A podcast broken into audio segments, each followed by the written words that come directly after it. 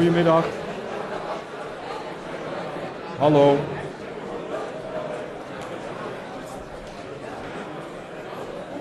Hallo.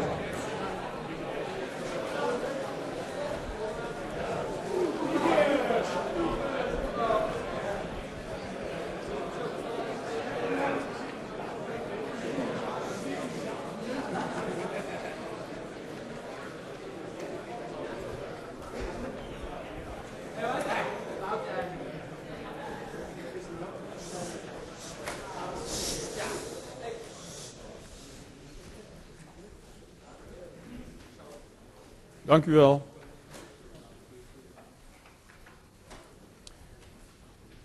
Ik heb gistermiddag op de kruising voor dit gebouw bijna studenten van de fiets gereden.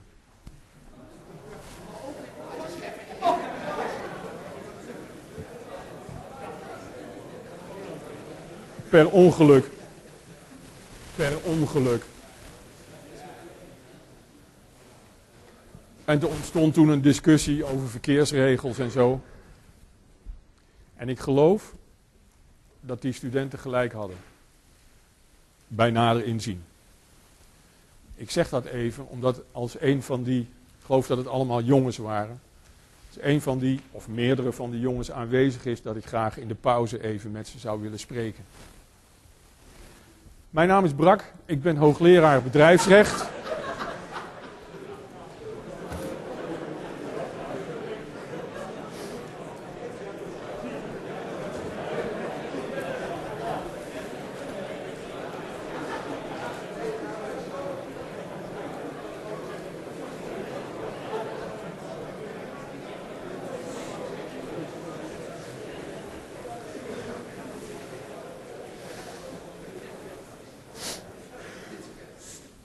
Ik heb zo'n idee dat dit heel lang gaat duren, dit eerste college in ieder geval. Als na elke drie zinnen die ik uitspreek er een soort van Poolse landdag ontstaat, dan ben ik bang dat we hier vanavond nog zijn. Eigenlijk was ik dat niet van plan. Ik werk bij de faculteit Management en Bestuur. Het kernvak van mijn leerstoel. Um, dit betekent dat ik het op prijs stel als u suggesties hebt over dit vak. Uh, hoe het anders of beter zou kunnen. Vooral hoe het beter zou kunnen natuurlijk. Dus ik hou me daarvoor aanbevolen. Ik heb ook al op de Blackboard site uh, u opgeroepen als u iets tegenkomt wat u niet duidelijk vindt. Uh, om mij dat dan te vertellen. Dat kan ook voor het college of in de pauze van het college. Maar dat kan ook per mail natuurlijk. dus Wees ervan overtuigd dat ik dat uh, uh, plezierig vind. Als het over dit vak gaat uh, en u wilt wat vragen of opmerken, dan lijkt me dat ook leuk. Dus dan steekt u gewoon even uw vinger op. Als het niet over dit vak gaat, heb ik niet dat u dat vertelt tegen de buurman of de buurvrouw, want daar zijn de pauzes voor en de kantine en zo. Dus ik wou het graag tijdens het college een beetje juridisch houden als dat kan. U ziet uh, wat het programma voor dit eerste college. Ik ga uh, iets vertellen over twee functies van recht.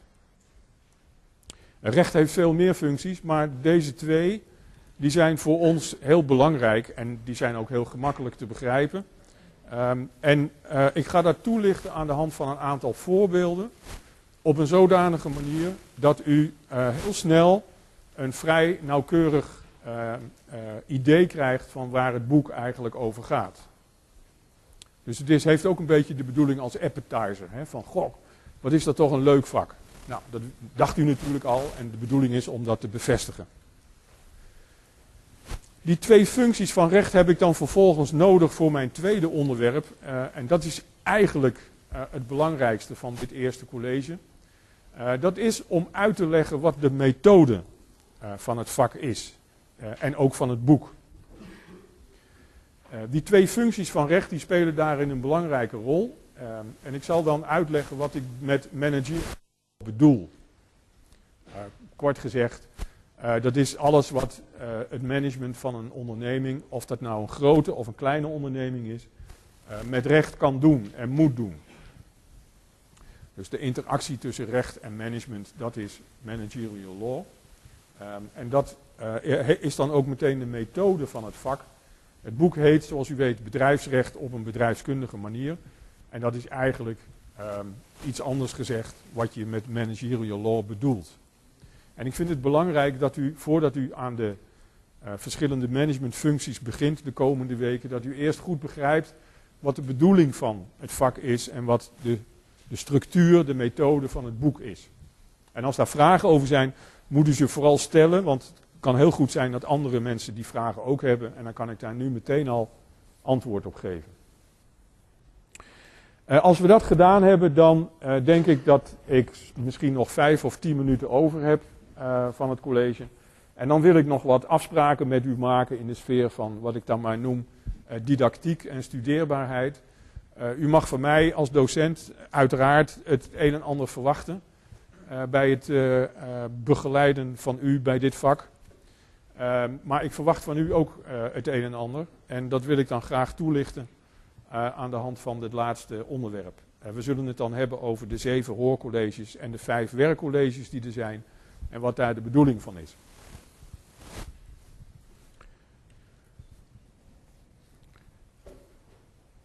De eerste hier genoemde functie van recht, de normatieve functie, die, dat is waar u het eerste aan denkt.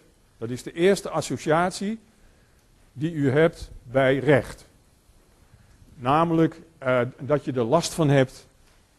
Dat je een heleboel dingen niet mag. Uh, en als je ze wel mag, dan uh, onder de voorwaarde dat je eerst nog een heleboel dingen moet.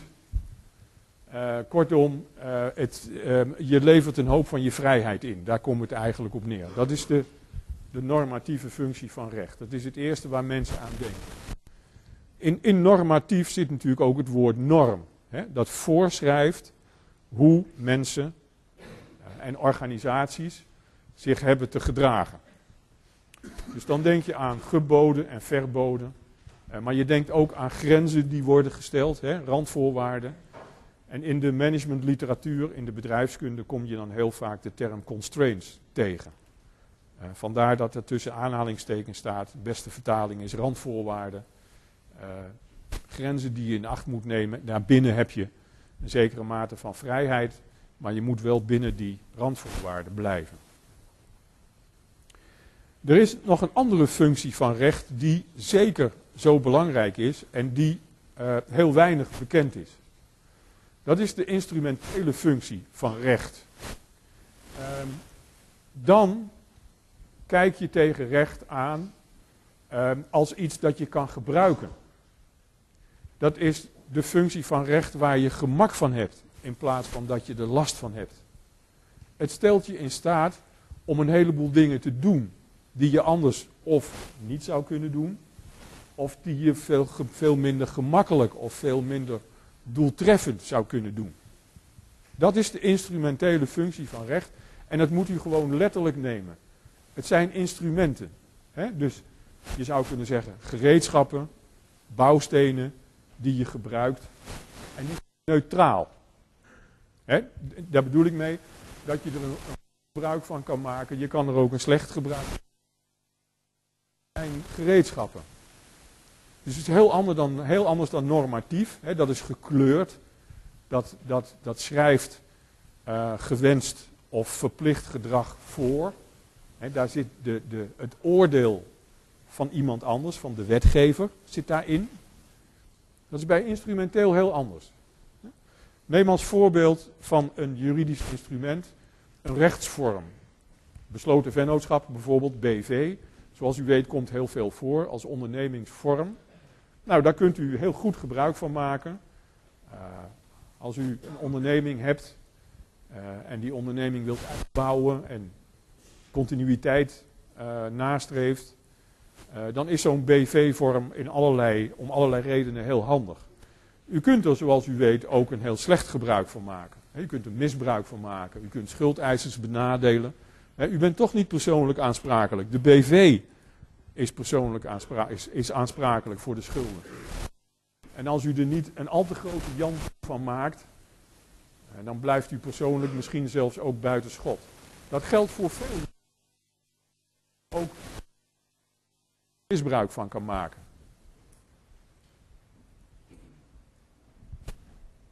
Ja?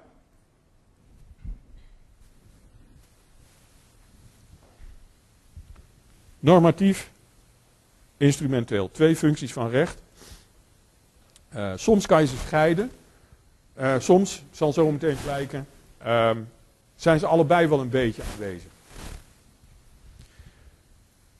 Wat ik ga doen is de inhoud van het boek uh, aan u presenteren door middel van een aantal voorbeelden met de focus op deze twee functies van recht. Als u het boek al hebt ingekeken, als u dat nog niet hebt gedaan, moet u dat heel snel gaan doen. Dan zult u zien dat uh, het boek bestaat uit vijf delen. Er is eerst een inleidend hoofdstukje dat heet Amerikaans aperitief. Waarom dat zo heet, dat zal straks blijken. En dan vervolgens krijgt u vijf managementfuncties. Dat zijn de vijf delen van het boek. Dus de structuur is bedrijfskundig managementfuncties. De inhoud is juridisch. Met die twee functies, normatieve dingen en instrumentele uh, juridische dingen. De eerste, uh, het eerste deel van het boek, personeelsmanagement, of zoals we tegenwoordig zeggen, Human Resources Management, HRM, is de uh, gevleugelde afkorting voor personeelsmanagement. Je maakt gebruik van talenten, van bronnen uh, die personeel in zich heeft, meebrengt naar het bedrijf.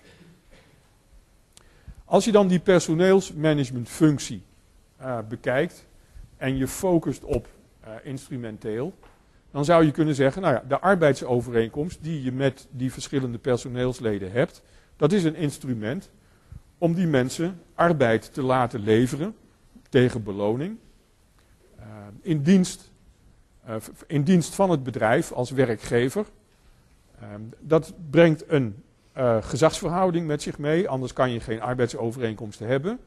En dit is, dat is nou ook precies het nut wat die arbeidsovereenkomst heeft, namelijk dat je tegen beloning in staat bent om instructies te geven aan het personeel, zodat jij als ondernemer kunt instructies geven tijdens de uitvoering van de werkzaamheden. Uh, een aantal van u heeft het keuzevak arbeidsrecht al gedaan. En voor die mensen is dit gesneden koek. Uh, hoofdstuk 1, juridische aspecten van personeelsmanagement, is een overlap met het keuzevak arbeidsrecht. En dat lijkt mij helemaal niet zo erg. U ziet erachter staan CAO, dat is de afkorting die u kent, collectieve arbeidsovereenkomst. Uh, een onderhandelingsresultaat tussen vakbonden en werkgevers. Als het een hele grote onderneming is, dan heeft dat bedrijf, Shell, Axo, Unilever, een eigen CAO. Uh, als het een kleinere werkgever is, dan is die soms, vaak, aangesloten bij een werkgever die met vakbonden heeft onderhandeld uh, over die CAO. Dat is ook instrumenteel, omdat je op die manier weet, zo'n CAO heeft een looptijd van één of twee jaar, zodat je op die manier weet wat je de, de, gedurende de looptijd van die CAO op dat gebied kunt verwachten. Dan kan je plannen, kan je je loonkosten berekenen, uh, kan je op, ba op, basis daarvan mensen uh, aan je onderneming binden hè, als personeel, zonder dat je steeds over alles opnieuw hoeft te onderhandelen. Dus ik denk dat het dat u duidelijk ziet dat de arbeidsovereenkomst en de collectieve arbeidsovereenkomst, dat, dat, dat die instrumentele uh, effecten heeft, hè, instrumentele aspecten heeft. Maar tegelijkertijd in dit geval, ik kom, tegelijkertijd in dit geval is het ook normatief. Want er staan een heleboel normen in die arbeidsovereenkomst en in die arbeidsovereenkomst van werknemers mogen dit wel en dat niet. Nou fijn, waarover onderhandeld is. Hè? Dus je ziet hier dat het niet altijd zwart-wit is, maar dat de combinatie ook voorkomt. Ja? Instrumenteel gaat over de beheersbaarheid. En u zegt alleen maar over de beheersbaarheid. Dat alleen maar zou ik schrappen, want beheersbaarheid is zelf belangrijk genoeg. Ik zou niet zeggen dat het, uh, dat het voor een deel is het beheersbaarheid, maar Ehm, het is, voor een deel zijn het ook gewoon uh, dingen die op de plank liggen. Hè? Als je denkt aan uh, rechtsvormen bijvoorbeeld. We zullen in het, uh, in het college over strategisch management over de rechtskeuze hebben. dan is het de vormgeving van je identiteit. Wat je bent als, als onderneming. Um, en en dan is het, dat is fijn, want dan, kan je dat, dan heb je dat beheerst. Maar het is, maar, het is voor een deel voor, voor mijn gevoel toch maar een deel van het hele verhaal. Dat er natuurlijk bij uh, personeelsmanagement ook uh, een heleboel normatieve uh, juridische dingen spelen, dat is natuurlijk duidelijk. Kijk even naar deze voorbeelden. veiligheidsvoorschriften die in een onderneming gelden. Je kunt op bouwplaatsen mensen met helmen op zien lopen en die hebben schoenen aan met stalen neuzen erin. Uh, enfin, kijk eens even wat er hier gebeurt met het viaduct, voor zover het nog overeind staat. dan kan je je voorstellen dat er veiligheidsvoorschriften nodig zijn. maar ook bij minder, bij minder ruig werk, als ik het zo mag zeggen, ehm, spelen veiligheidsvoorschriften een rol. Denk aan beeldscherm, werken met beeldschermen. Het gaat zelfs zover dat de universiteit uh, een zekere uh, zorgplicht heeft voor studenten die met computers werken. Ehm, wij moeten ervoor zorgen als, als universiteit dat u dat niet te lang doet.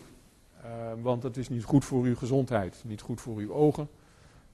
en ik, ik weet niet hoe deze universiteit daar vorm aan geeft, maar er is een voorschrift dat zegt dat um, mensen, mensen in het algemeen en dus ook studenten uh, niet al te lang um, aan één stuk met beeldschermen moeten werken. U ziet het ook uh, bij een ander voorbeeld, bij de werving en selectie van personeel. De, um, ja, de koppeling MV, hè, de, de, de kreet MV zou ik bijna zeggen, die kent natuurlijk iedereen. Maar dat heeft een belangrijke symboolfunctie. Het, het refereert namelijk aan gelijke behandeling uh, van mannen en vrouwen uh, met betrekking tot werk. Dat is verplicht. En zoals je weet mag je niet zomaar discrimineren tussen mannelijk en vrouwelijk personeel. Kom je even koffie drinken? Hè? Nee, waar kom je dan voor? Ah, dan ben je goed. Maar ja, we waren alvast begonnen. Vind je niet erg, hè? Ja.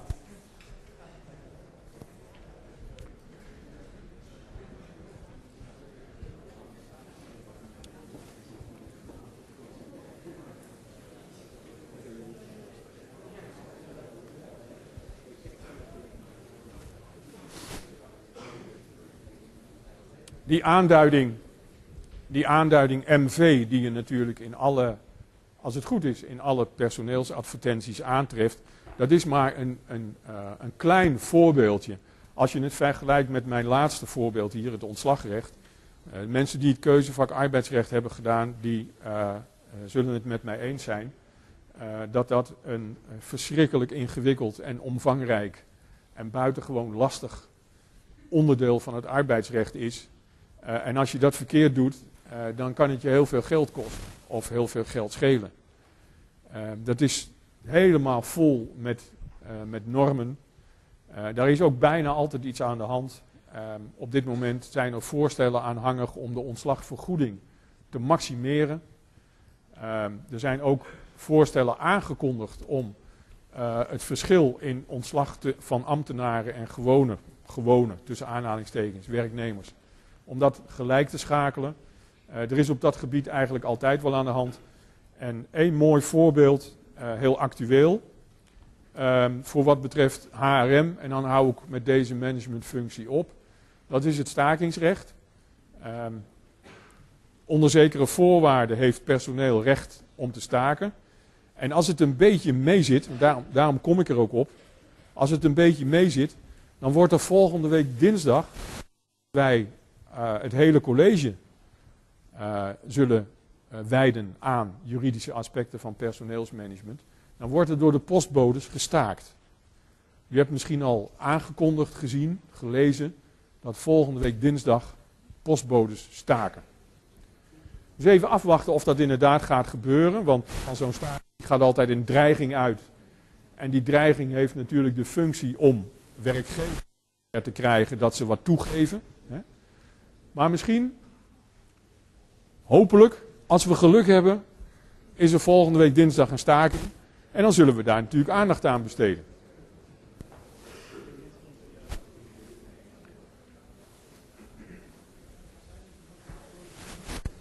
Zijn er postbodes aanwezig?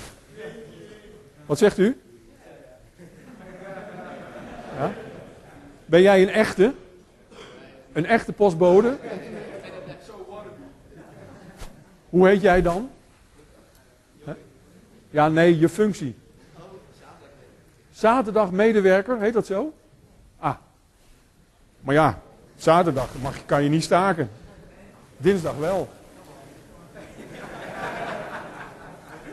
Ah. Er wordt, hier, er wordt hier gedreigd op de eerste rij. Maar kan je, zou jij ons daar iets meer over kunnen vertellen volgende week dinsdag, of niet?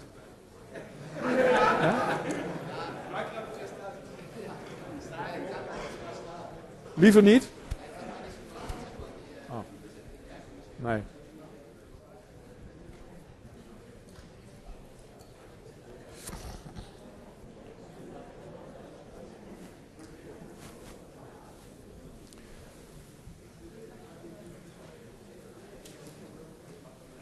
Ik heb u voor één managementfunctie wat voorbeelden gegeven om uh, het onderscheid tussen de normatieve en de instrumentele functie wat meer uh, kleur te geven, wat meer uh, diepte te geven. Um, HRM, personeelsmanagement, is de eerste van de operationele managementfuncties. Er zijn, als je de bedrijfskundige literatuur bekijkt, um, eigenlijk voor elk bedrijf, of het nou een hele kleine onderneming is of een hele grote, eigenlijk altijd vijf managementfuncties, vier operationele en één strategische. Die strategische, dat is de overkoepelende. En die operationele, die zijn als het ware ondergeschikt, als, als je het zo zou willen zeggen. Daarom noem je ze operationeel. Je kan er discussie over hebben of informatiemanagement uh, nummer 6 is. Of uh, facilitair management misschien nummer 7 zou moeten zijn. Nou ja, misschien zijn er nog meer. Maar in ieder geval vijf. De tweede is productiemanagement. De volgorde waarin ik ze presenteer is dezelfde volgorde als die je in het boek aantreft. Maar die volgorde is willekeurig. Dus dat ik eerst HRM heb genoemd en daarna productie, daar mag u geen conclusies aan verbinden. De volgorde is willekeurig. Behoudens dan natuurlijk de opmerking van strategisch die ik net heb gemaakt, die overkoepelende dat heeft wel degelijk een bepaalde relatie met die andere, die operationele. Dus de tweede die ik in willekeurige volgorde noem, productiemanagement. Um, laten we even kijken naar wat instrumenten die het productiemanagement, de productiemanager, uh, gebruikt om de productie voor te bereiden, te organiseren, uit te voeren. Um, dat zijn natuurlijk allerlei uh, contractvormen um, voor inkoop. Je moet, als je wat wil produceren, ook als je diensten uh, produceert, dan moet je grondstoffen hebben, ingrediënten. Die moet je aanschaffen, die moet je ter beschikking hebben. In die zin zou je kunnen zeggen dat er het aspect van beheersbaarheid natuurlijk wel weer een rol speelt. Anders valt er weinig te produceren. Um, als je machines gebruikt, computers gebruikt, transportmiddelen, vrachtwagens, dan is er service en onderhoud nodig. Daar kan je ook contracten voor afsluiten. Um, en dat voorbeeld van een contract, um, dat kan je natuurlijk eigenlijk bij, bij alle managementfuncties uh, als voorbeeld nemen. toevallig hier bij productiemanagement als, als input als uh, maintenance, hè, onderhoud van allerlei productiemiddelen. normatief aspect als voorbeeld bij productiemanagement, productveiligheid. Dan, dan noem je als jurist eigenlijk meteen ook productenaansprakelijkheid. Dat is een soort tweeling. Als product.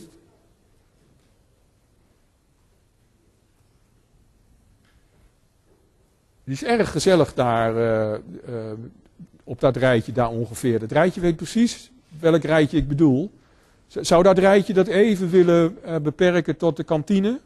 Dank u wel.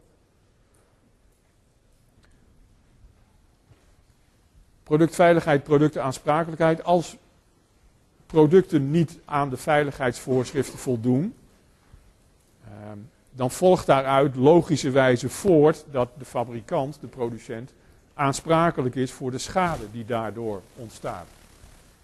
Uh, als we toe zijn aan het college juridische aspecten van productiemanagement, ik u een aantal voorbeelden geven die u vrij regelmatig in de krant kunt zien over uh, advertenties van fabrikanten die waarschuwen voor onveilige producten die uh, onverhoopt, was niet de bedoeling, maar toch in de handel zijn gekomen. Uh, en dan heb je het dus over productveiligheid. Het CE-teken, ik neem aan dat u dat kent. Uh, daar staat teken omdat ik weet wel dat het gebruikelijk is om CE-merk te zeggen.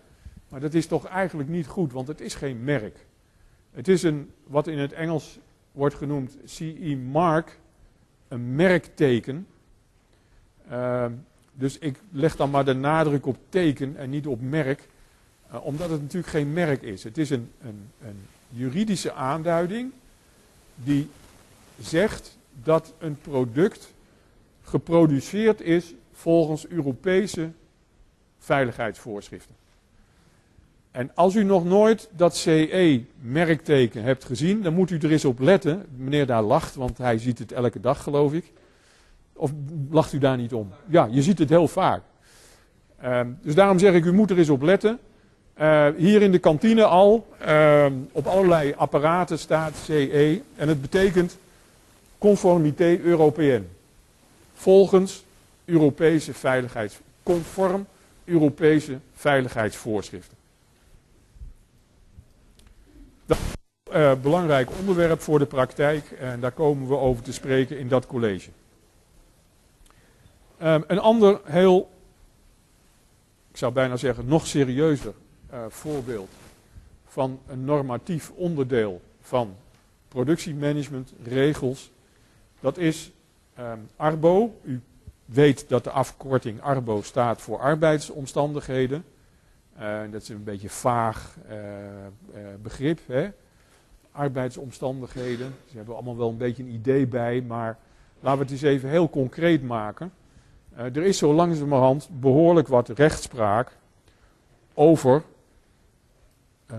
bedrijven die forse schadevergoedingen moeten betalen, of hebben betaald, aan slachtoffers van Nee, als u zou luisteren naar waar ik het over heb, dan zou u nu niet lachen. Ik heb het over mensen die door het werken met asbest op een onveilige manier een zodanig ernstige longziekte hebben opgelopen dat ze nu waarschijnlijk al niet meer leven. En als ik het dus heb over schadevergoedingen, dan heb ik het over bedragen die door productiebedrijven zijn betaald aan de nabestaanden. Dat is gebeurd in een periode waarin de gevaren van asbest, en je kan dan als je heel deskundig bent onderscheid maken tussen witte asbestvezels en blauwe asbestvezels. Je moet mij dat niet vragen wat het verschil is. Het ene is nog gevaarlijker dan het andere. Als je zo'n vezeltje inhaleert, dan kan het 20, 30 jaar duren, maar je gaat eraan dood. En in een tijd dat die kennis over de gevaren van asbest nog niet zo groot was en zeker niet zo wijd verbreid, zijn er nogal wat mensen die daar, zonder dat ze dat wisten, mee hebben moeten werken. Zonder veiligheidsvoorschriften. U kunt nu, als er asbest verwijderd moet worden, Uh, dan kunt u uh, mannen in maanpakken zien. Misschien zitten er ook wel vrouwen in, dat weet ik niet. Dat kan je niet zien. En dat ziet er heel indrukwekkend uit. Maar zoveel veiligheidsvoorzieningen zijn er nodig om daar veilig mee te kunnen werken. En de mensen die dat desondanks willen doen, uh, daar moet je je petje voor afnemen, denk ik. Um, zonder dat ik um, verder kwaad wil spreken over uh, bepaalde bedrijven, maar het bedrijf Etherniet in Goor heeft een reputatie op dit gebied. En het is nog maar de vraag of het bedrijf overeind kan blijven, want er zijn al eh, ondernemingen aan failliet gegaan, aan alleen dit onderdeel van productiemanagement. Nu iets vrolijkers. Het derde deel van het boek gaat over commercieel management. En dat noemen we ook wel marketing. Dat is hetzelfde. Mag u gewoon door elkaar gebruiken. Synoniem. Commercieel management, marketing is hetzelfde. En ik vind dit um, eigenlijk een van de mooiste voorbeelden van, een, van de instrumentele functie van recht in relatie tot een uh, managementgebied. Met corporate image, daarmee bedoelen we dat elk bedrijf dat nadenkt over de beeldvorming van die organisatie, van dat bedrijf, bij klanten, bij andere stakeholders in de omgeving, uh, dat bedrijf weet ook dat je dat beeld kan beïnvloeden. En elke onderneming, communicatieafdeling, commerciële afdeling, zal de nodige moeite ervoor doen en het nodige geld investeren om te zorgen dat dat beeld van het bedrijf en van de diensten en producten die worden geleverd zo gunstig mogelijk is. Ik bedoel, ik hoef niet te zeggen dat T-Mobile op dit moment niet zo'n heel image heeft. Maar ik heb ook begrepen dat ze er het nodige aan doen om dat weer te herstellen. Daar hebben we het dus over. Corporate image. Bij, bij corporate moet je niet meteen denken aan een heel groot bedrijf. Vaak is dat wel eh, de bedoeling van degene die dat woord corporate gebruikt, maar ik gebruik het neutraal. Uh, corporate image kan ook gelden voor een klein bedrijf. Uh, dat graag gunstig bekend wil staan bij klanten. Wat zijn nou de juridische gereedschappen die dat corporate image, die beeldvorming, die communicatie naar klanten ondersteunt? Nou, twee hele belangrijke zijn het recht op de handelsnaam en het handelsmerk. Het recht op de handelsnaam, daarmee bedoelen we dat een bedrijf of een ondernemer die voor zijn onderneming een naam heeft gekozen, en het bedrijf onder die naam heeft ingeschreven bij het handelsregister, als die kan bewijzen dat hij de eerste is geweest die die naam heeft gebruikt voor dat soort bedrijf, dat hij dan het exclusieve recht heeft. Dat is het recht op de handelsnaam. Bij het handelsmerk is het nog simpeler, zou ik bijna willen zeggen. Want een handelsmerk, een merkrecht, kan je inschrijven in het merkenregister. En dan spreek je van een geregistreerd handelsmerk. En dat is precies de betekenis van die R in een cirkel, die je heel vaak ziet. Dat is jongens, denk eraan, dit is ons merk, dat hebben wij gedeponeerd en dat mag je niet gebruiken, anders krijg je last met ons en onze juristen. Dat is het exclusieve recht op dat merk. Ja? Hoe zit het dan tussen uh, Apple als een computerfabrikant en Apple als een industrie als Nederland? daar wel gezeik Het woord gezeik zou ik niet willen overnemen. Um, en verder vind ik het lastig om daar iets verstandigs over te zeggen, omdat ik het in eerste instantie heb over Nederlands en Europees recht. En Engels.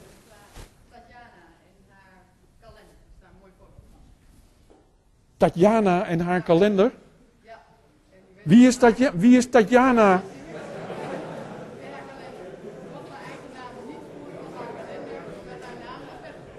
Oké. Oké. Ho! Kijk, dit is nou leuk. Die mensen hebben het over juridische dingen, daar hebben we wat aan. Tatjana mag, wie dat ook mogen zijn, geen idee. Tatjana mag haar naam niet gebruiken voor haar kalender. Wat zullen we nou krijgen? Je heet Tatjana. Je, je, je bedenkt een kalender. Je zet je naam erop en het mag niet. Nee, waarom niet? Nou, om de simpele reden dat er eerder al een Tatjana geweest is die voor dat soort producten die naam heeft gedeponeerd. Ik zal het je nog. Wel.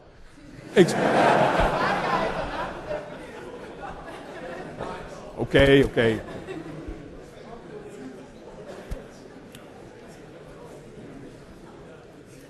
Even, even, dit, even dit afmaken en dan kom ik bij jou. Er is, waar gebeurt? Juristen verzinnen bijna nooit cases, want wij hebben zoveel rechtspraak. Hè? Dat is ongelooflijk. Alles wat je, wat je kan bedenken is eigenlijk al een keer gebeurd. Er is een man in Assen en die heet Albert Heijn. Nee, echt waar. En die man is groenteboer. En die schrijft op zijn winkel met grote letters: Albert Heijn voor al uw groenten of zo. En dat grote bedrijf uit Zaandam begint een procedure tegen die man. Die man die snapt nou nog niet waarom, hè, Tatjana, die man die snapt nou nog niet waarom die zijn eigen naam niet op zijn winkel mag zetten. Nou, dat komt omdat Ahold eerder was. Dat is wat we bedoelen met, in dit geval, de handelsnaam. Nou is er een verschil, zoals je ziet, tussen Unilever en Shell. En dat is een hele mooie illustratie van wat ik bedoel. Je kan deze dingen dus gebruiken als instrumenten, hè, als gereedschappen, als bouwstenen voor je policy, voor je commerciële beleid. Unilever maakt heel erg veel producten en heeft voor die producten en voor die productlijnen allemaal aparte merken. Zoveel zelfs heeft Unilever de afgelopen jaren geconcludeerd. Het werden er te veel. Ze hadden het overzicht niet meer. Toen zijn ze een aantal van die kopen aan andere bedrijven die daar geld voor wilden betalen. Zo'n bekend merk is veel geld waard. Er is veel reclame in geïnvesteerd, merkbekendheid, heel belangrijk. Dus je hebt een bedrijf, dat heet Unilever, en je hebt een heleboel merken voor producten. Sunil, uh, Dove.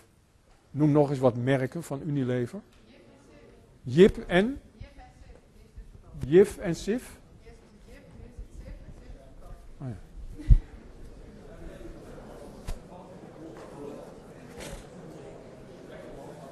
Nu Shell. Hey. Nu. Daar hebben ze het heel anders gedaan. Ik zei net, ik zei net dat je een handelsmerk kunt claimen, hè, het exclusieve recht, door dat merk te registreren in het merkenregister, Benelux merkenregister. Dan kan je op een hele eenvoudige manier bewijzen dat jij het recht hebt op dat merk. Voor een handelsnaam is dat lastiger, want je moet je bedrijf onder die naam hebben ingeschreven in het handelsregister. Maar je moet ook kunnen bewijzen dat jij de eerste bent geweest die voor dat bedrijf die naam hebt gebruikt. Daar is niet een, dat handelsregister, anders gezegd, heeft niet dezelfde functie als het merkenregister. Heel slim, wat heeft Shell gedaan? Die heeft de handelsnaam van het bedrijf geregistreerd als merk. Dat is dubbelop. Hè? Dat is een soort van dubbele bescherming, zou je kunnen zeggen. Als je in een Shell shop komt, alle producten van Shell hebben ook als merk Shell. Dat is een volstrekt andere uh, commerciële policy dan Unilever.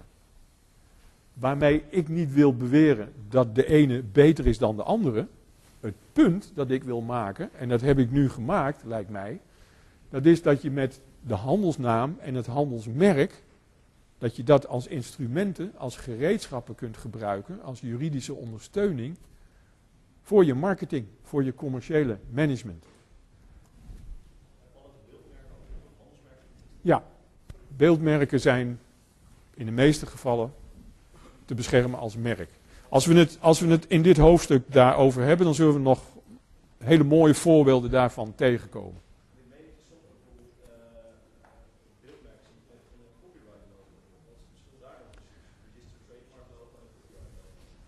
Wat je probeert te doen is je, is je, ehm, ehm, je eigendom zo goed mogelijk te beschermen. Dat kan door het in te schrijven in het merkenregister. Maar je wilt uh, des te meer bescherming. Je wilt zoveel bescherming als je kan krijgen. Soms is zo'n merk ook nog te beschermen via het auteursrecht. En dat is copyright. En dan krijg je die C met een cirkeltje erom. Uh, de grap wordt wel verteld dat uh, men in China denkt dat een C met een cirkeltje erom betekent the right to copy.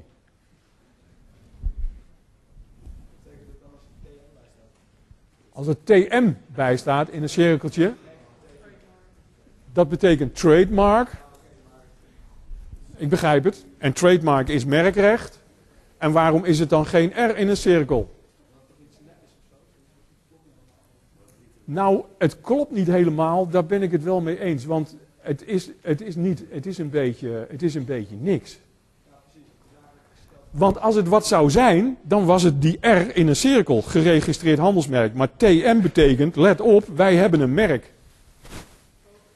Maar is dat dan beschermd? Misschien zijn ze bezig het te beschermen, dat zou kunnen. Maar TM op zichzelf betekent niks officieels. Niks juridisch.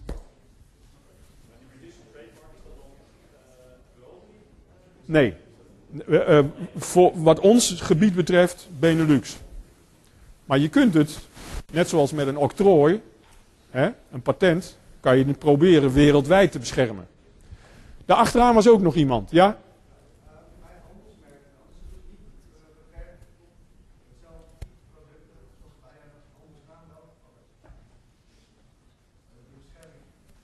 Begrijp ik het zo dat, dat, u, dat u vraagt of het om hetzelfde uh, product moet gaan of dezelfde dienst bij dat handelsmerk en, het, en de handelsnaam?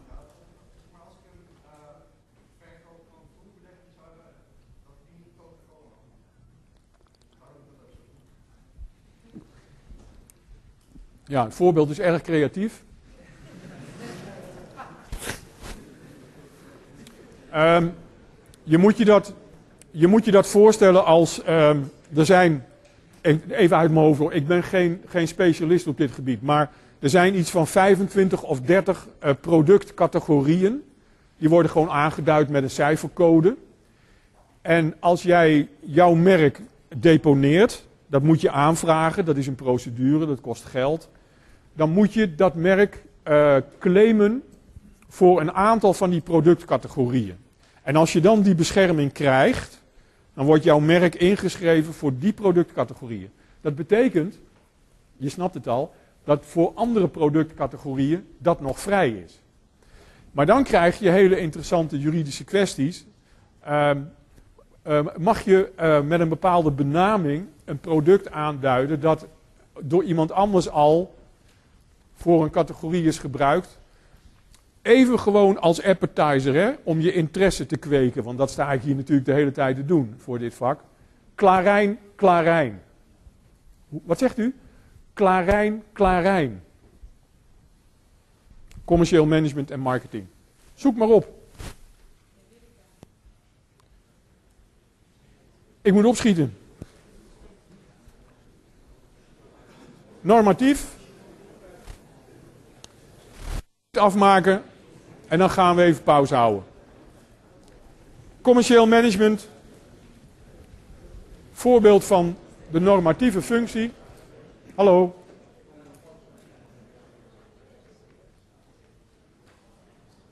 Het is zo pauze. Voorbeeld van normatieve aspecten van commercieel management en recht. Je ziet in op dit gebied, niet uitsluitend hier hoor, dat, je vindt het ook wel bij andere functies, bij andere managementfuncties, maar met name hier, de commerciële managementfunctie. Mag ik nog even? Zie je wat je noemt gedragscodes. Dat is de Nederlandse vertaling van wat in het Engels codes of practice wordt genoemd. En het is een beetje, ja, meestal is het, is het soft law. Het is niet helemaal zo hard als een regel die in een wet staat. Maar codes ehm, hebben toch zeker wel een behoorlijke juridische betekenis.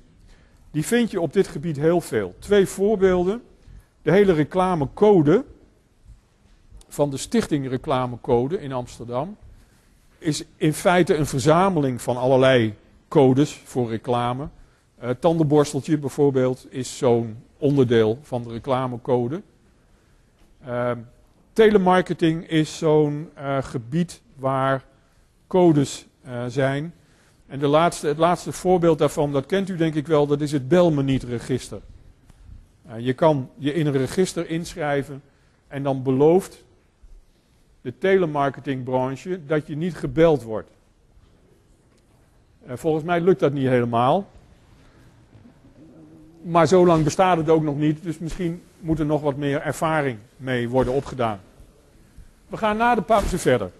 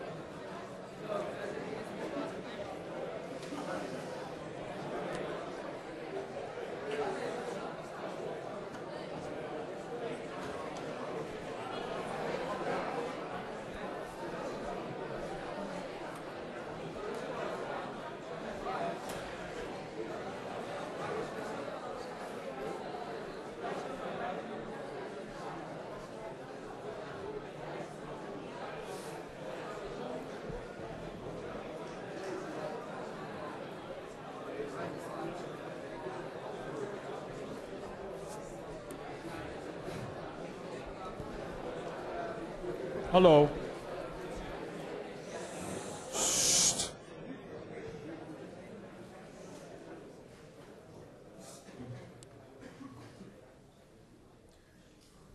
De laatste operationele managementfunctie is financieel management. Uh, instrumenteel aan voorbeelden daaraan. Uh, manieren om de business te financieren. Hoe trek ik uh, financiële middelen aan uit de markt, als je dat zo zou willen zeggen, om mijn onderneming te financieren? Daarvoor kunt u uh, aandelen, obligaties gebruiken. En dat heeft alles te maken met eigen vermogen en vreemd vermogen. U denkt misschien dat het onderscheid eigen vermogen, vreemd vermogen, EVVV, dat dat een accountants, economisch onderscheid is. Dat is niet zo. Het is een juridisch onderscheid. Eigen vermogen wordt blijvend ter beschikking gesteld aan de onderneming, kan niet worden teruggevorderd. Vreemd vermogen moet worden terugbetaald. De beloning voor het beschikbaar stellen van eigen vermogen is dividend de beloning voor het ter beschikking stellen van vreemd vermogen is rente. Dat zijn twee fundamenteel verschillende dingen en dat heeft een juridische reden. Uh, nochtans, aandelen, obligaties, hè, eigen vermogen, vreemd vermogen, zijn instrumenten om de onderneming te financieren. Leasing is een andere manier om bijvoorbeeld productiemiddelen eh, aan het bedrijf te verbinden. Eh, zonder dat u meteen die productiemiddelen hoeft te kopen. Dus leasen is een vaak voordeliger manier om productiemiddelen ter beschikking te krijgen. Normatief denkt u aan allerlei publicatieverplichtingen. Ehm, aanvankelijk, oorspronkelijk eh, vooral financiële jaarverslaggeving, eh, financiële balans, toelichting, winst- en verliesrekening, die u moet deponeren bij het handelsregister en dat is dan tegelijk ook publiceren. Maar tegenwoordig moet u ook sociale eh, gegevens verschaffen, allerlei milieurapportages doen. Ehm, dus het begint, ehm, dat normatieve aspect begint gecontroleerd door accountants ehm, behoorlijk omvangrijk te worden. Wel is het zo dat hoe groter de onderneming, in dit geval, hoe meer publicatieverplichtingen. Strategisch management, dat is uh, toch wel iets anders dan de operationele managementfuncties. Uh, dat is ook de reden waarom ik uh, dat als vijfde hoofdstuk in het boek heb opgenomen. En dat we ook als ehm, bijna laatste eh, college zullen behandelen. Omdat het die andere uh, managementfuncties, zoals ik al zei, overkoepelt. Die moeten als het ware hun, hun bijdrage leveren aan uh, strategische doelen. En daarom is strategisch management altijd een taak van het eindverantwoordelijke management. Dat kan de ondernemer zijn in een klein uh, bedrijf, maar dat is altijd de raad van bestuur in een groot bedrijf, samen met de raad van commissarissen. We hebben hier, we hebben straks gezien uh, uh, corporate image. Hier hebben we iets dat is nog, nog serieuzer, nog zwaarder zou je kunnen zeggen, corporate identity. We hadden het straks al even over de rechtsvorm. Uh, u kunt, als u dat wilt, voor een bedrijf dat u begint een rechtsvorm kiezen. Dat hoeft niet een BV te zijn, maar dat kan. Dat kunnen ook andere rechtsvormen zijn, die komen in dat college over strategisch management. En in dat deel van het boek komen die ook aan de orde. Um, en dat is niet zomaar een vrijblijvende keuze, want daarmee legt u ook de identiteit van de organisatie vast. Een vennootschap onder firma is echt iets anders dan een stichting. En een stichting is echt iets anders dan een BV of een coöperatieve vereniging of noem nog maar een ander voorbeeld op. Dat bepaalt uw identiteit. Wat wilt u zijn? Um,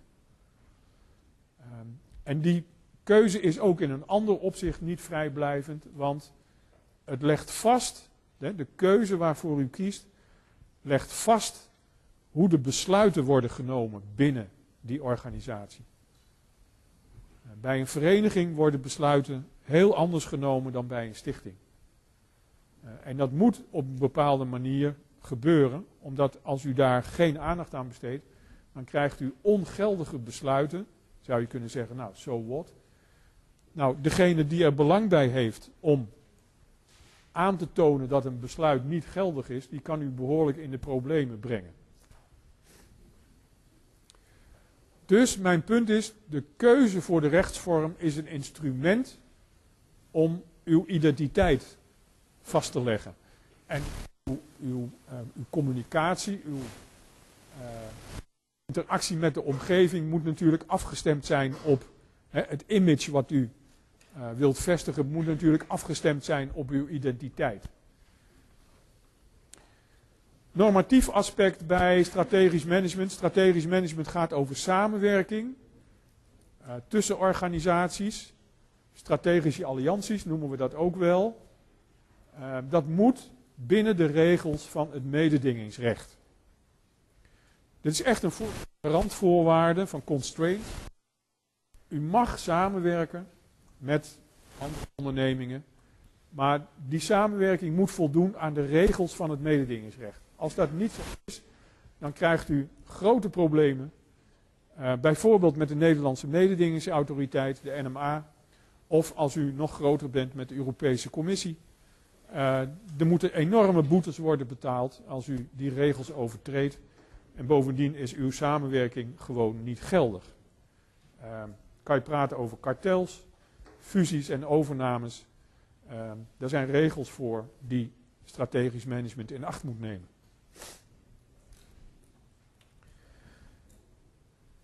Ik had u beloofd dat we het zouden hebben over twee functies van recht. Dat hebben we gedaan. U hebt, doordat we die vijf uh, managementfuncties zijn langsgewandeld uh, en aangekleed hebben met voorbeelden, een heel aardig idee gekregen van wat uh, de inhoud van het boek is en wat u allemaal tegenkomt in dit vak. Um, en dan vraag ik nu uw aandacht voor het tweede onderwerp, dat is de methode.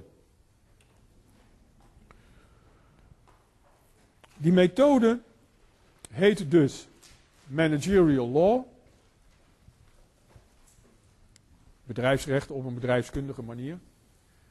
En uh, hoe die methode tot stand gekomen is, hoe die is opgebouwd, dat leest u in het inleidende hoofdstuk, dat heet Amerikaans aperitief. Waarom heet dat zo? Een aperitief is een voorafje. Uh, als je gaat nadenken over hoe je bedrijfsrecht, uh, hoe je onderwijs in bedrijfsrecht moet geven aan niet-juridische studenten, dan wil je dat op een zodanige manier doen dat wat je probeert over te dragen aan kennis en inzicht, dat dat binnenkomt. Dat dat een plaats kan hebben. Dat, zoals op zoveel plaatsen nog gebeurt, ook aan business schools, uh, gebeurt dat nog steeds veelal op een juridische manier. Dat is heel raar, want dan zou je op een juridische manier college geven aan bedrijfskunde studenten, bestuurskunde studenten, uh, studenten van allerlei economische en sociale richtingen. Dat is heel raar. Dan zou je net doen alsof het juridische studenten zijn, terwijl je weet dat het niet zo is. Dus dat is, dat is niet de goede methode. Hoe doe je het dan wel? Kijk eens naar hoe het in de Verenigde Staten gebeurt. Niet omdat wat ze daar doen per se beter zou zijn dan wat wij doen, maar omdat we ervan kunnen leren. Dat is de gedachte.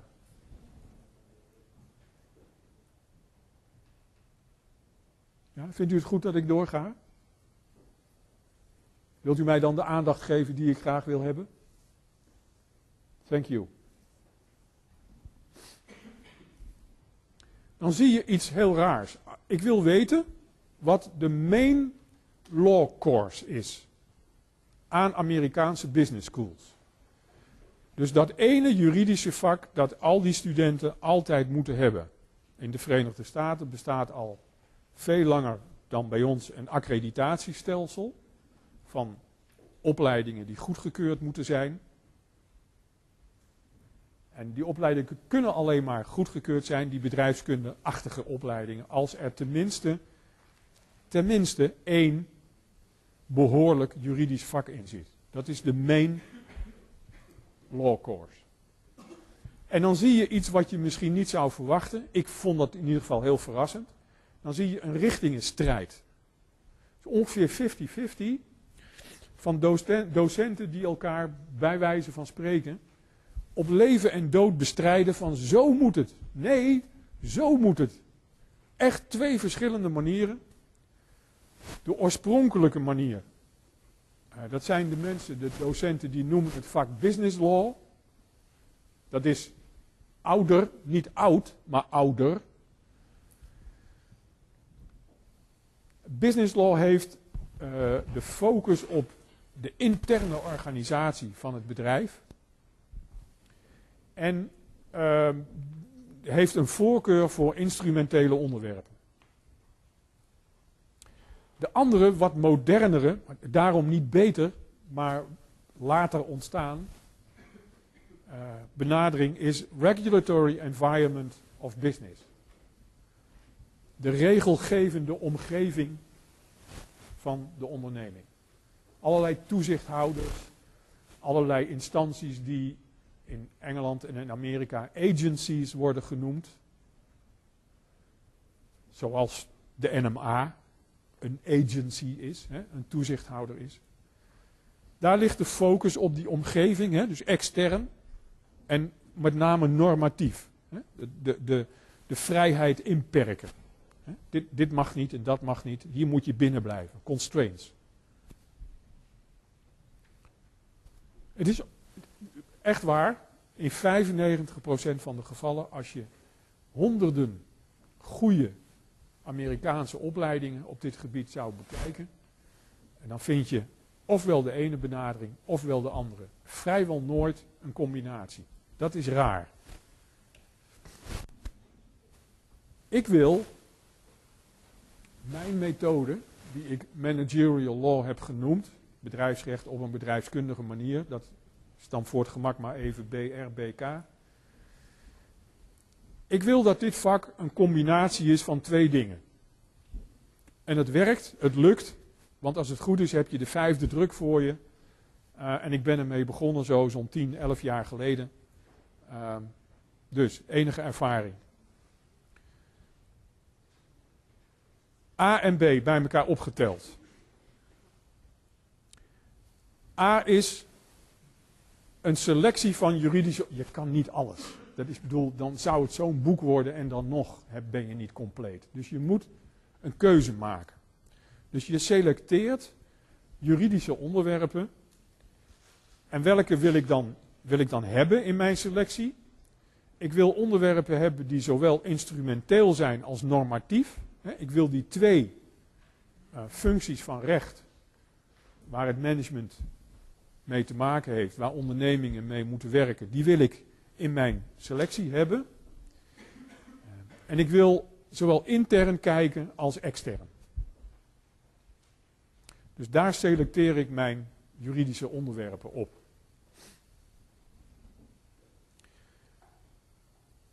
En ik wil dat niet op een juridische manier aanbieden, want jullie zijn geen juridische studenten. Ik wil dat op een bedrijfskundige manier aanbieden.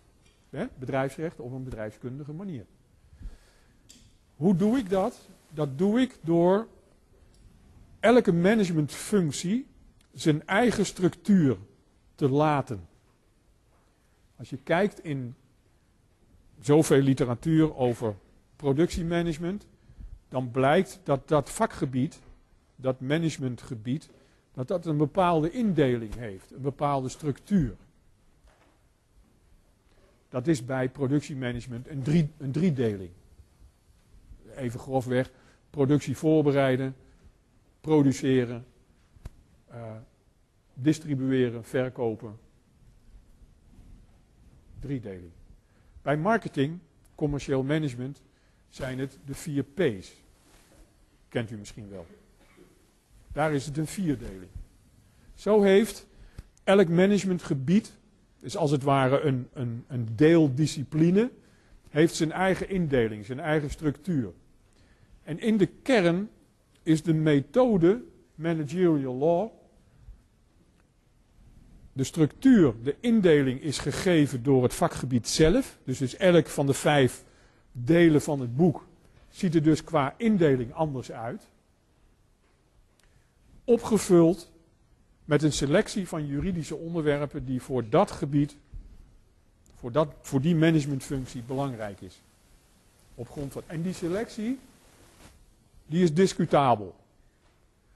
Je kan zeggen, god waarom nou zoveel aandacht besteed aan dat onderwerp? Dat is toch helemaal niet belangrijk? Ik zou in plaats daarvan een ander onderwerp veel meer aan. Dat kan. Het is een keuze. Maar het is een keuze die op deze manier is verantwoord en die voor uh, elk bedrijf misschien anders kan zijn. Maar gemiddeld genomen is dit wat u krijgt als u wilt weten wat is de juridische agenda van een personeelsmanager, van een marketing meneer of mevrouw. Wat is de juridische agenda van strategisch management? Waar houden die zich mee bezig? Dat krijg je te zien op deze manier.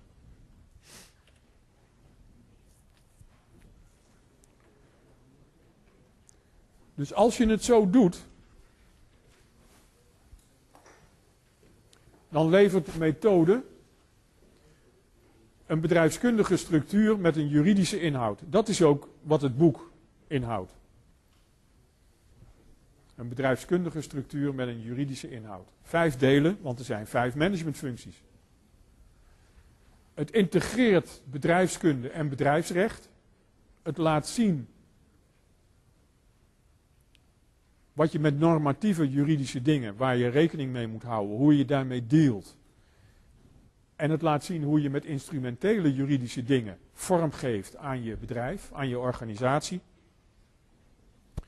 En het geeft je, zoals gezegd, inzicht in de juridische agenda van mensen die op verschillende managementgebieden werken. Of als je je eigen bedrijf begint, als starter, als eenmanszaak, dan moet je al die functies in één persoon. Dus het zijn niet steeds uh, verschillende functionarissen. Hè? Het kan zijn dat één persoon alle functies vervult bij een kleine onderneming, een starter bijvoorbeeld. Dat is de methode. En die kun je nog eens een keer nalezen in uh, het eerste hoofdstuk, Amerikaans aperitief.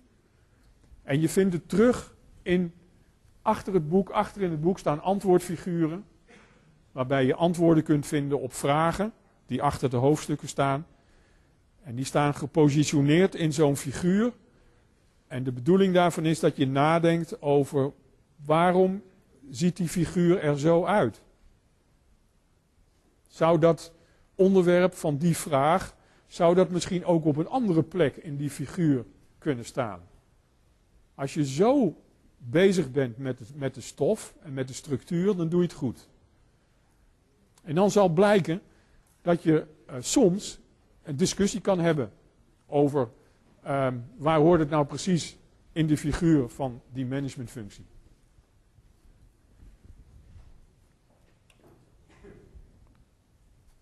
Twee functies van recht hebben we gedaan. Managerial law, dat is nou duidelijk. Derde onderwerp, tot slot.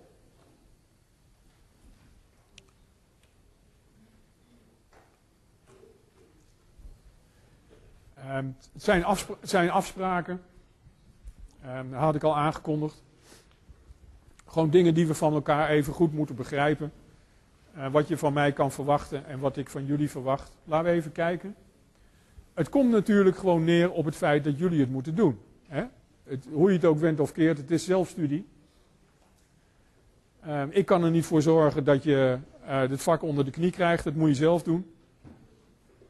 En ik kan daar alleen maar hulpmiddelen bij aanreiken. Dus wat ik doe is hulp bij zelfstudie.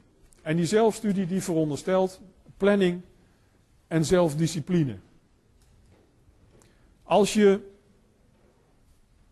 pas twee weken voor het tentamen uh, begint met het bestuderen van dit vak, dan weet je, of ik dat nou wel uh, uh, zeg of niet zeg, zonder dat iemand daar iets van zegt, dan weet je dat dat een uitermate niet optimale manier van studeren is. Dan haal je misschien net een voldoende voor het vak, maar twee weken later is het weer weg. En dat is jammer. Er is een betere manier en dat is nu beginnen. Voor jezelf een planning maken. Het is allemaal heel simpel wat ik zeg, maar ik zeg het toch, want er zijn een heleboel van jullie, dat hoef ik niet, denk ik niet uh, te bewijzen, die doen het niet. En dat is jammer, want het kan veel beter. Planning maken en je aan die planning houden. Zelfdiscipline. Wat is de ideale manier? Voor het volgende college, volgende week dinsdag, tenminste het hoofdstuk waar we het dan over gaan hebben. En je kunt op de Blackboard site zien welke data, welke colleges, welke onderwerpen. Dat hoofdstuk tenminste een keer goed doorlezen. Zodat je een idee hebt van waar het over gaat. Mag ik nog even?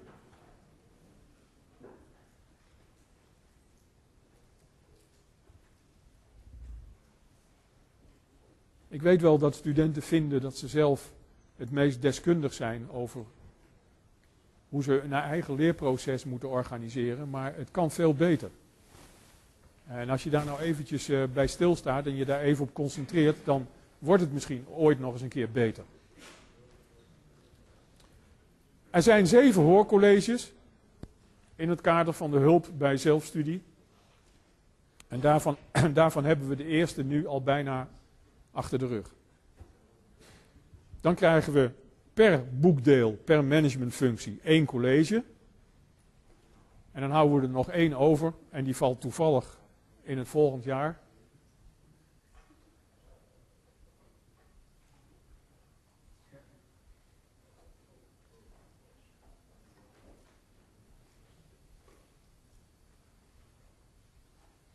Weet je hoe lang het al stil is? Sorry mevrouw, ik heb het tegen de jonge man achter u. Nee? Dat komt omdat je niet oplet. Omdat je op het schermpje naast uh, van je buurman zit te kijken. Dat moet je niet doen, dat moet je in de kantine doen. Als je hier komt, mag ik veronderstellen dat je belangstelling hebt voor wat ik vertel. En ik was nou juist aan het vertellen hoe je een goede score kan halen voor dit vak. Dat zit er voor jouw geval denk ik dus niet in. Ja. Wou je er wat anders van maken? Oké.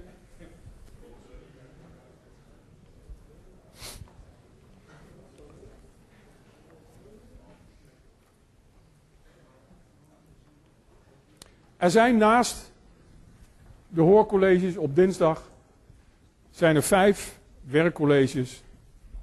Uh, in vier gevallen op donderdag en in één geval moeten we daarvan afwijken. Dat is een woensdag. Uh, dat vind je ook allemaal op de Blackboard uh, site. Wat ik belangrijk vind du duidelijk te maken voor wat betreft die werkcolleges, dat is dat dat alleen voor de liefhebbers is. dat, zijn een, dat zijn er een klein aantal van u die bereid zijn om serieus aan het werk te gaan met het vak, te beginnen met vandaag. Uh, die studenten die dat niet willen, ja, daar zijn die werkcolleges niet voor. Als je daar komt, op die vijf werkcolleges, voor elk, elke managementfunctie, voor elk hoofdstuk één, dan verwacht ik van je dat je het hoofdstuk niet alleen een keer hebt doorgelezen, dat verwacht ik van je als je naar het hoorcollege komt. Maar dat je het heel grondig bestudeerd hebt. En dat je de vragen achter het hoofdstuk ook inderdaad allemaal hebt gedaan. En hebt gecheckt of het antwoord dat jij vond dat op een vraag gegeven moet worden, achter in het boek, in die antwoordfiguur, ook inderdaad klopt. Pas dan heb je toegang tot het werkcollege. Dus ik wil daar geen studenten zien die het niet hebben voorbereid. Dan word ik echt heel vervelend. En je kan één keer proberen om daar te komen zonder dat je het hebt voorbereid. En ik geef je de verzekering dat dat de laatste keer geweest is. Hoe controleer ik dat dan? Nou, gewoon door vragen te stellen. Door gewoon te zeggen: uh, wat denkt u dat het antwoord moet zijn op, uh, op die en die vraag? En kunt u uitleggen waarom dat zo is? Dus dat is extra. Dat is, je zou kunnen zeggen, een soort van honors program. Voor mensen die echt. Nee maar, nee, maar serieus, hè? Nee, maar serieus, hè? Voor mensen, die, voor mensen die echt willen investeren in dit vak. Die een 6 of een 7 niet genoeg vinden. Voor die mensen, voor die mensen is dat werkcollege.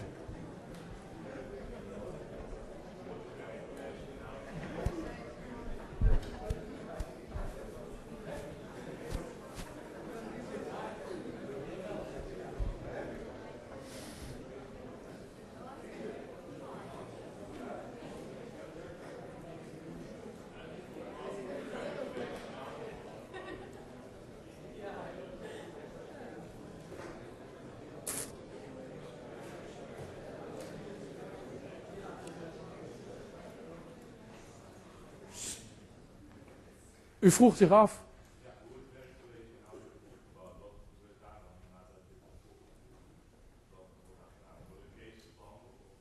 Nee, die vragen die achter in het boek staan. Die, eh, achter elk hoofdstuk staan vragen. En daar hebben we het over. Ja. Dus ja, je hoeft niet, je hoeft niet te komen eigenlijk. Hè? Nee.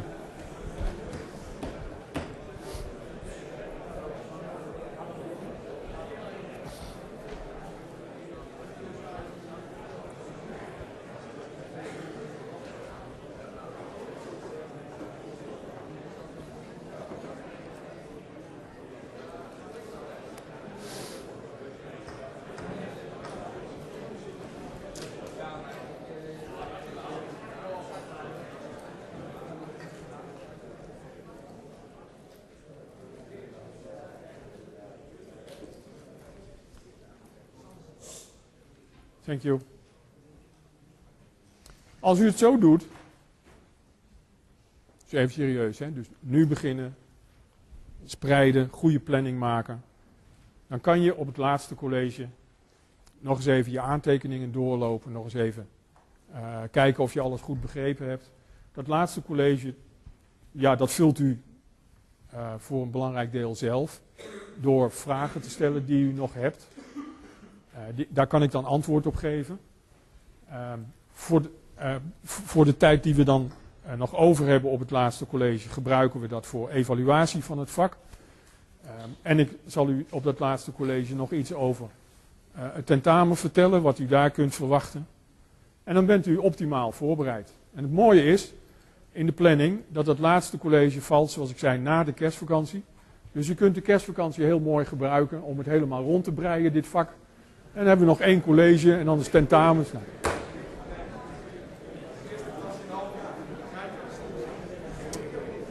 Tot de volgende week.